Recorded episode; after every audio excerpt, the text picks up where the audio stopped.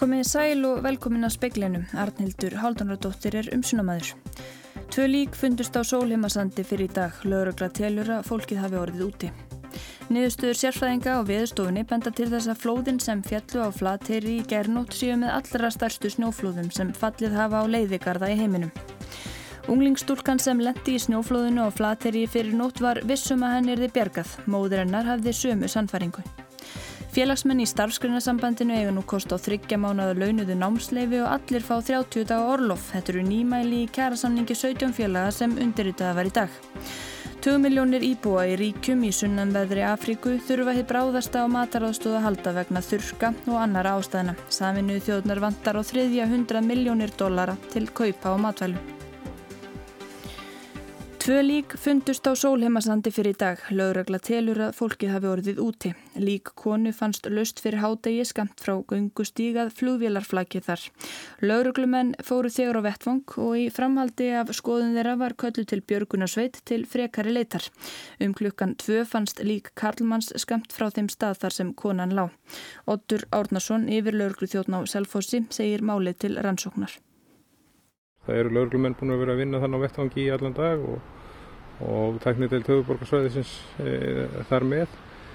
E, Niðurstaða krupningar e, verður vantilega það sem að endanlega leiðir í ljós e, hvað við gert þannig. En svona fljóttalítið þá sínist okkur að það sé ekki um saknæmt að það við ræða.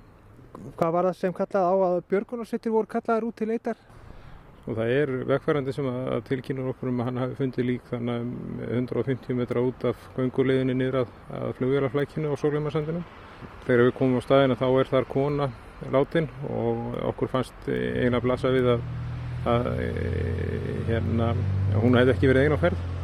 Þannig að við ákveðum strax að kalla til leitar og, og, hérna, og lauruglumenn fór að leita þannig í kring og, og um 150 metra frá þeim stað það sem að konan líkur funduð er líka af karlmanni það er þá um bara um tvöleiti sem það gerist.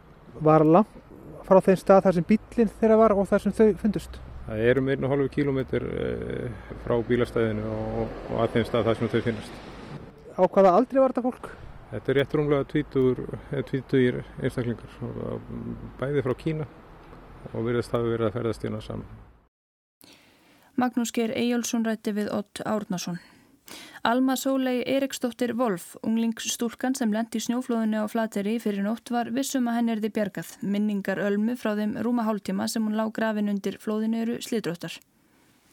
Ég var bara, ég var bara að fara að fara að sofa en ég man ég heyrði í mömmu frammi að því hún var hérna, hún fekk símtal um fyrraflóðið og svo var þetta bara svona drunur í svona tvær sekundur og svo bara hérna gler, hú veist, að brotna og svo var ég náttúrulega bara sakin í snjó.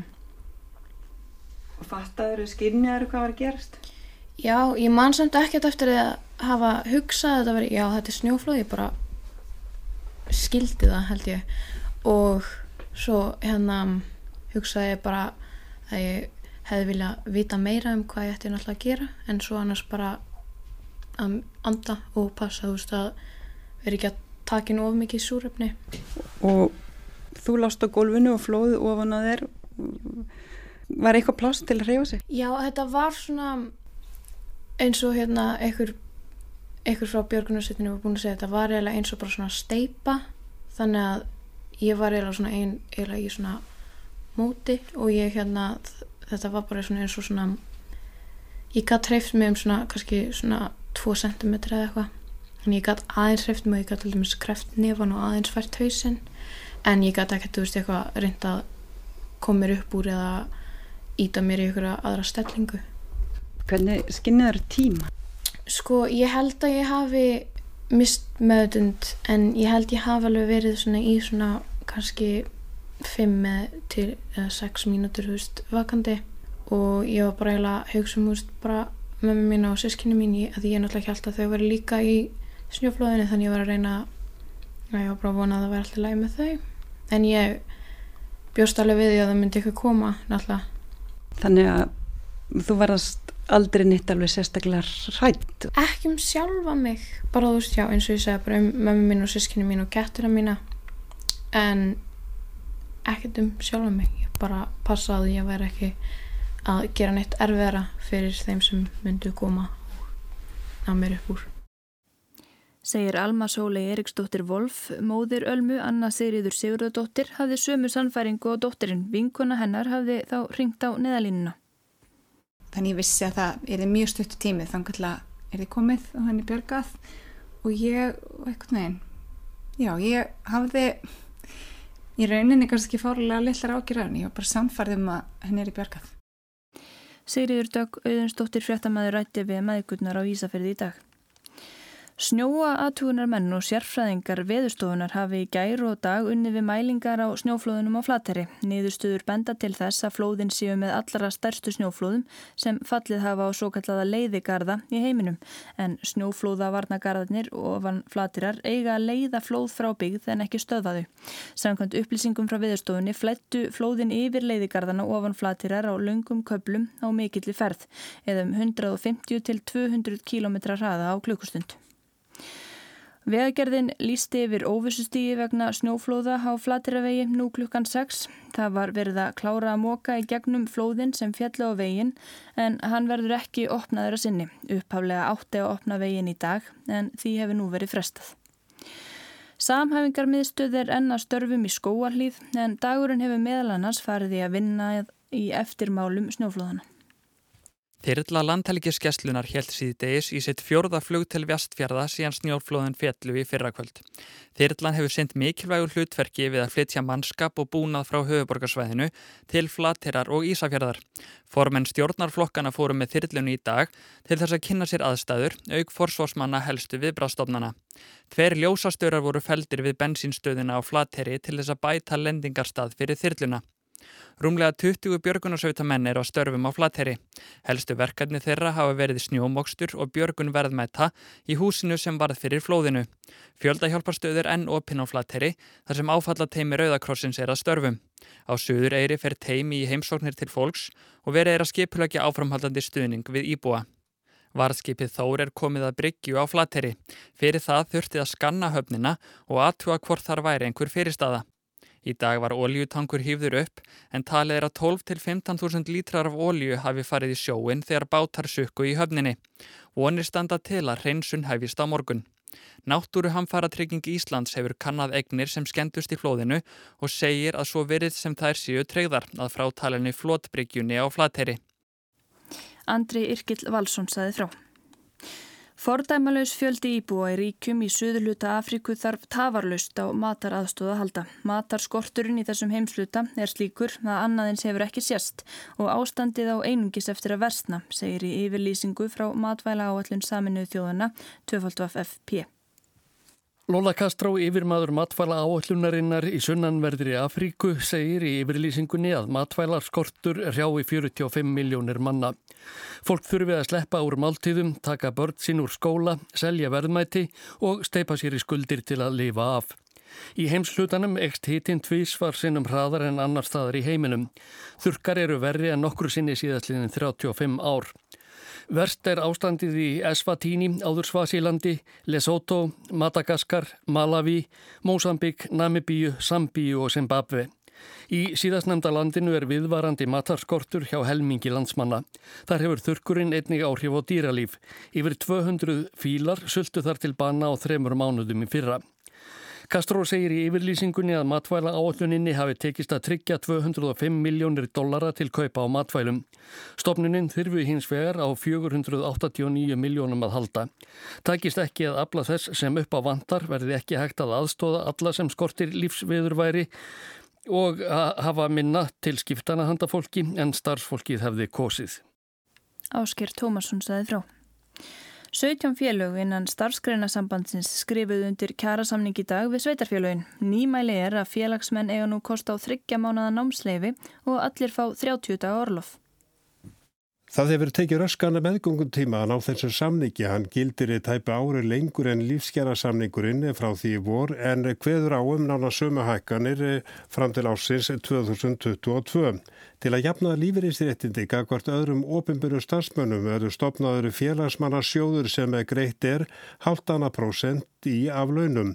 Greitt verður árlegur honum 1. janúar ár hvert. Ingarún Ólastóttir, formað samningarnemndar sveitarfélagana, er sátt við samningin. Já, við erum það. Þetta er afrastur langrar og strángrar vinnu og við erum sátt. Björn Snæbjörnsson, formaður starfskriðarsambandsins, er líka sáttur við samningin. Ég er ánaði með samningin því það er mjög margt í honum sem við höfum ég vel verið að berjast í mörg ár að reyna að ná, ekki endilega sagt, efnislega séð sem það hefur verið og svo erum við náttúrulega að tryggja okkar fólki að það að fái þær launahækkan sem búið að semja á annar staðar á, á, á vinnumarkaðinum. Þetta var Björn Snæbjörnsson við tölu fjöllum nánarum samningin síðar í speglinu. Rafmagn er ekki enn komið á í árnesreppi og hafa íbúar verið án alls rafmags frá því í gær. Þeir hafa fengið þær upplýsingar að þrýr rafmagsstaurar hafi brotnað en ekki er ljóst hvenar hægt verður að laga þá.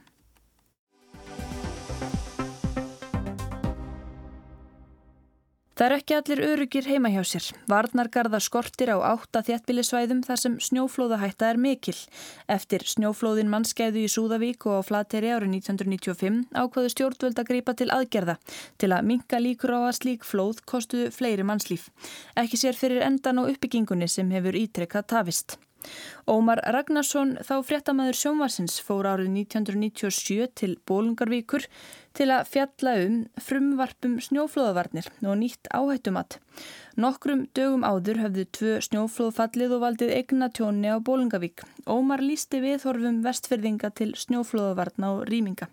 Afbörði síðustu daga hafa ennan í beint kastljósi að viðkvæmu máli snjóflóðavörnum. Ímist er það gaggrínt þegar snjóflóð falla að sent og illa hafi verið buðist við eða þegar ekki fellur snjóflóð að menna að fara á taugum, rímt svæði og valdið óþægindum og fjártöfni að óþörfu. Ómar segir tíð flóð hafa orðið til þess að viðhorf fólks á svæðinu breytust. Á þessum tíma byggu 5.000 Íslandingar á snjóflóðasvæðin.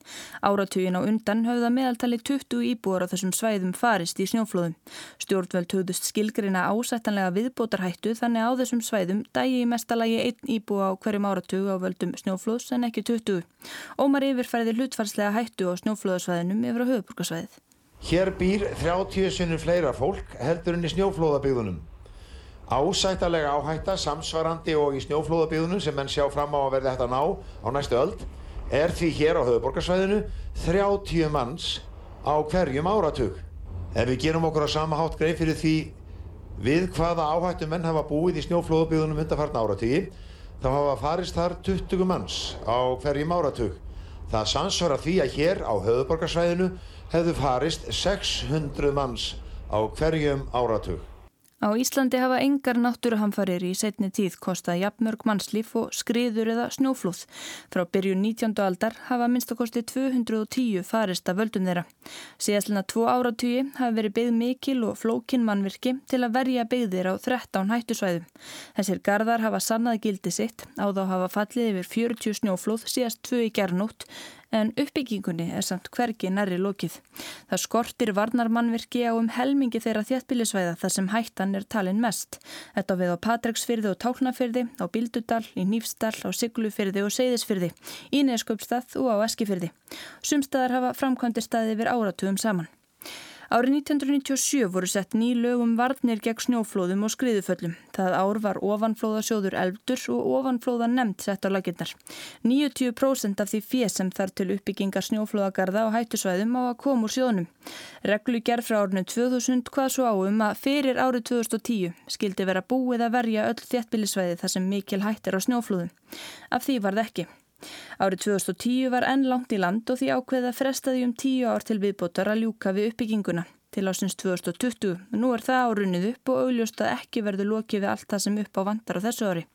Miða við framkvæmda áallin ofaflóðasjóðs verður varnarvirkjum ólokið á sex svæðum árið 2023.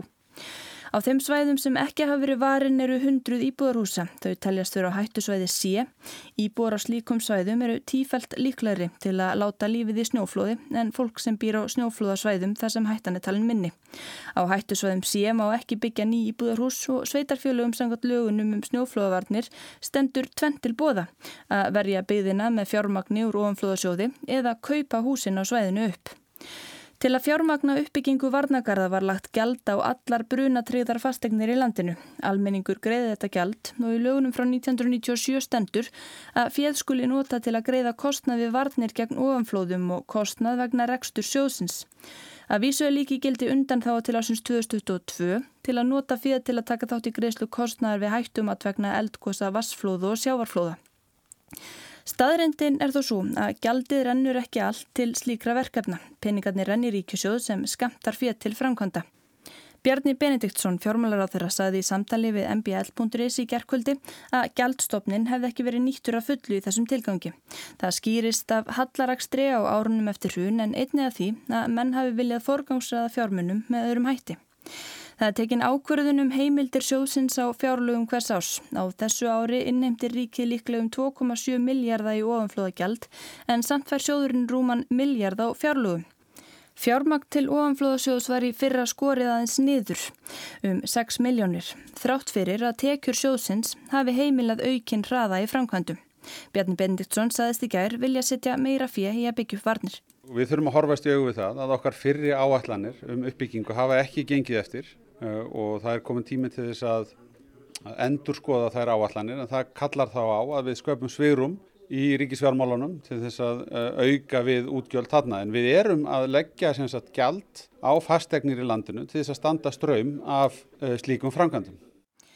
Nú er stemt að því að uppbyggingunni verði ekki lókið fyrir árið 2030 en sérfræðingar sem til þekkja gefa lítið fyrir slík áform segja að óbreyttu verði uppbyggingun ekki lókið fyrir um og eftir miðja öldina árið 2050 í fyrsta lagi.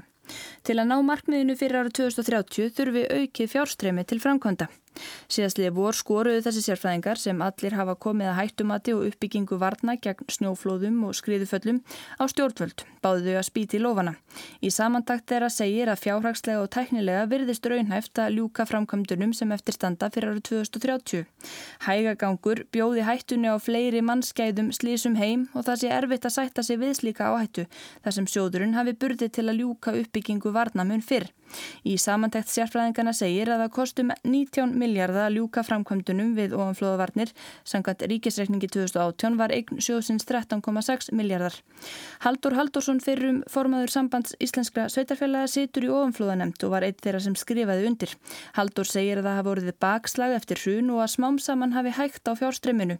Nú séu í sjóðunum miljardar sem væri hægt að nota en stjórnvöld kom alltaf með einhverjar ástæður fyrir því að það sé ekki hægt að ráðast hraðar í uppbyggingu ímist of mikil þennsla eða of lítill.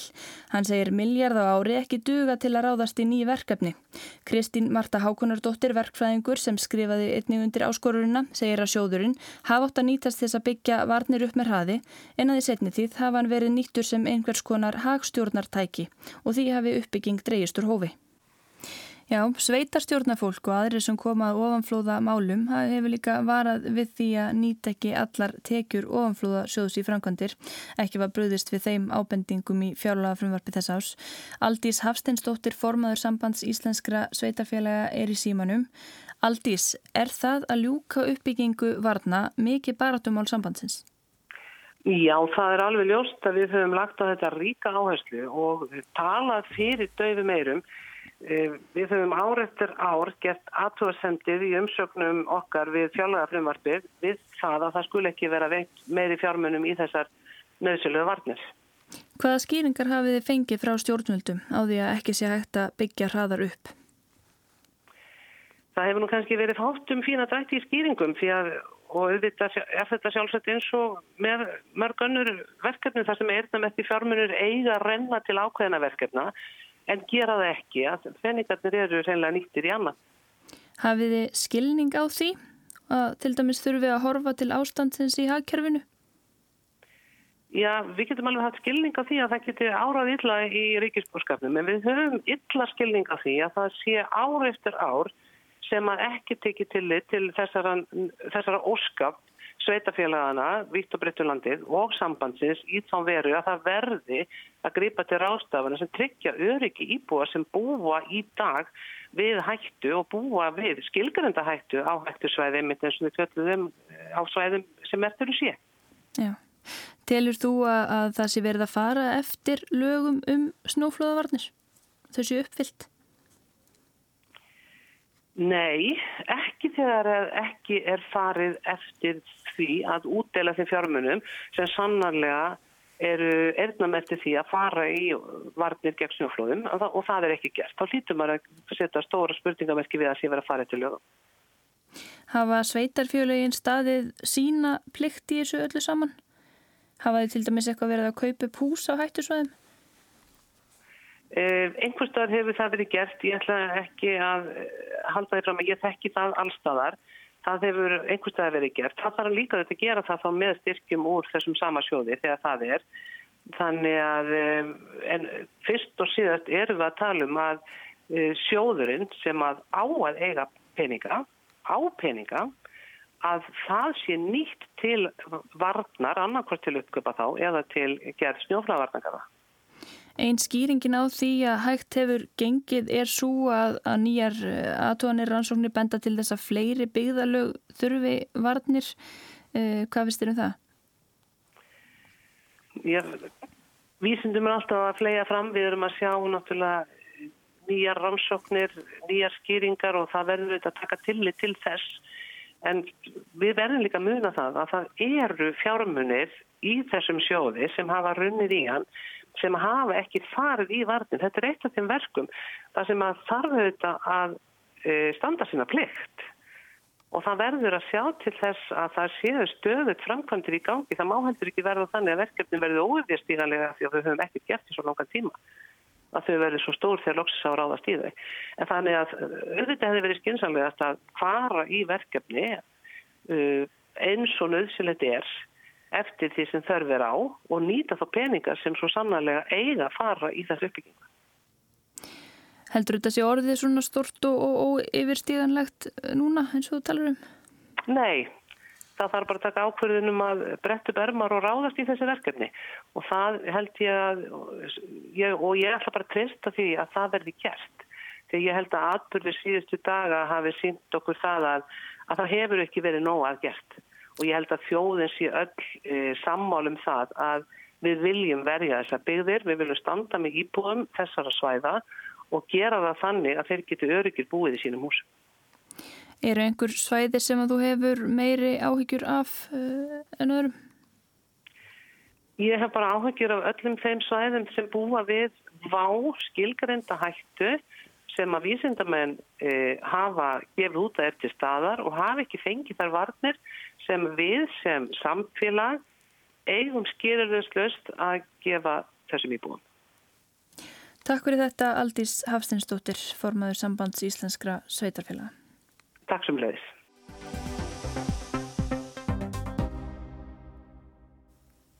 Launamenn í átjón félögum innan starfsgrunasambandsins segja rétt á árlegum greiðslum úr launamannasjóði sem nema 1,5% af launum. Þetta eru nýmæli í kærasamning sem undirritaður var við sveitarfjöluðin í dag. Futtruar 17 félaga skrifið undir hjá sáttar sem er í dag. Í síðustu viku gerði verkalýsfélag Akranes en ær samskonarsamning við Akranes kaupstað og kvalfjörðarsveit.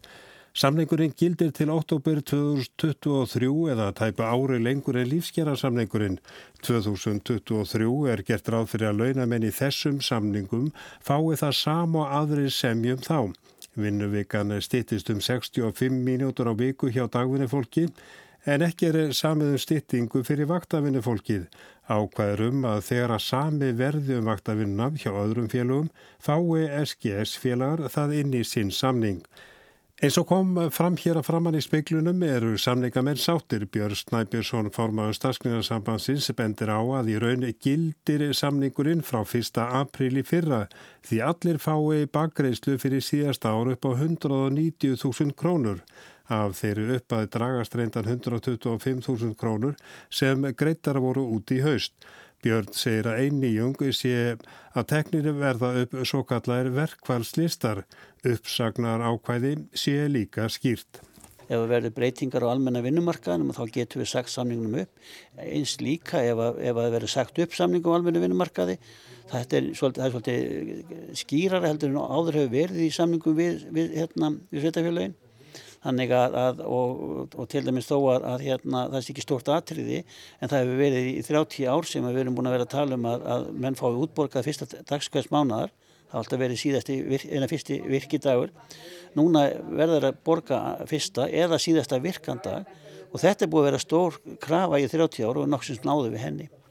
Það er líka að hveða áum að allir verða nú með 30 daga orlof eða 6 vikur og launamenn eiga rétt á þryggja mánuða námsleiði.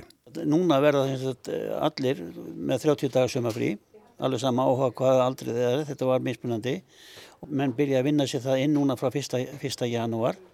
Það er líka, líka hérna, í sambandi við launanámsleifi, þetta eru þrín mánuðir sem menn hef, hafa þeir eru búin að vera að vinna í þrjú ár og þetta er samkvæmt ákveðnum, ákveðnum reglum þannig að þetta hefur ekki verið e, e, fyrir hendi fyrir okkar fólk heldur hafa aðrir haft þetta sem hafa þá verið meiri mentun og annað en nú erum við að ná þessu inn sem er mjög, mjög mikið, mikið svert fyrir okkar fólk að eiga rétt á þessu. Það hefur verið deilt um jöfnun lífeyrisréttindabili markaðam og að þeirri launamenn SGS eigi rétt á sambarlegum hækkunum og aðrir ofinbyrri starfsmenn. Í þessum samningum verðum við að ná inn e, svo kallar hérna, félagsmannasjóði sem er 1,5% af öllum launum starfsmanna og þetta er sem sagt, það sem er lagt inn mánaðarlega inn á, á fasta bók, þetta er svona svipað ólofið og, og, og fyrsta februar ár hvert að þá er þessi, þessi, þetta laust sem sagt, þannig að menn er þá búin að sapna upp í heilt ár og eiga þetta sem sagt fyrsta februar alltaf. Þetta er 1,5% og svo fengum við núna leiðrættingu frá 1. apíl sem er upp á 61.000 krónur sem að menn fá þá borga núna þegar, já líklega 1. mass eitthvað svolítið. Segir Björn Snæbjörnsson, en sambandið á eftir að semja við ríkið, það eiga líka fjölmörg félugina BHM eftir að gera og sömulegis félugina BSRB. Þá hefur ebling sem er innan starfskriðarsambandsins og ekki aðeilað samningnum í dag sliti viðræða við Reykjavíkuborg Í næstu viku hefjast eh, atkvæðagreislur um verkvælsaðgerir sem eiga að byrja fljótlegi í februar. En eru samningar við þessi félög á næstu grösum? Nú bara vindum við okkur í næsta hóp og uh, höldum áfram þessar vinnu.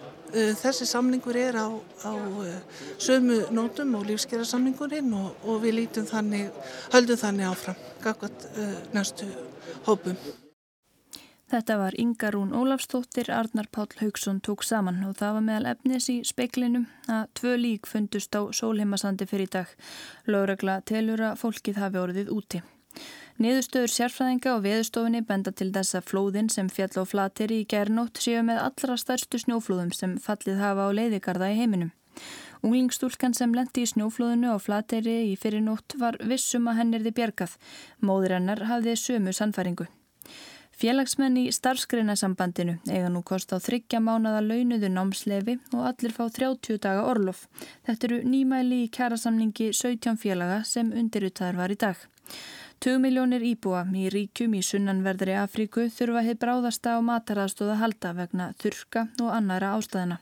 Saminuð þjóðunar vantar á 300 miljónir dollara til kaupa á matvælum og vegagerðin lísti yfir óvissu stíi vegna snjóflóða á flatirarvegi nú klukkan 6. Það var verið að klára móka í gegnum flóðin sem fjall á vegin en hann verður ekki opnaður að sinni. Upphaflega átti að opna vegin í dag en því hefur nú verið frestað.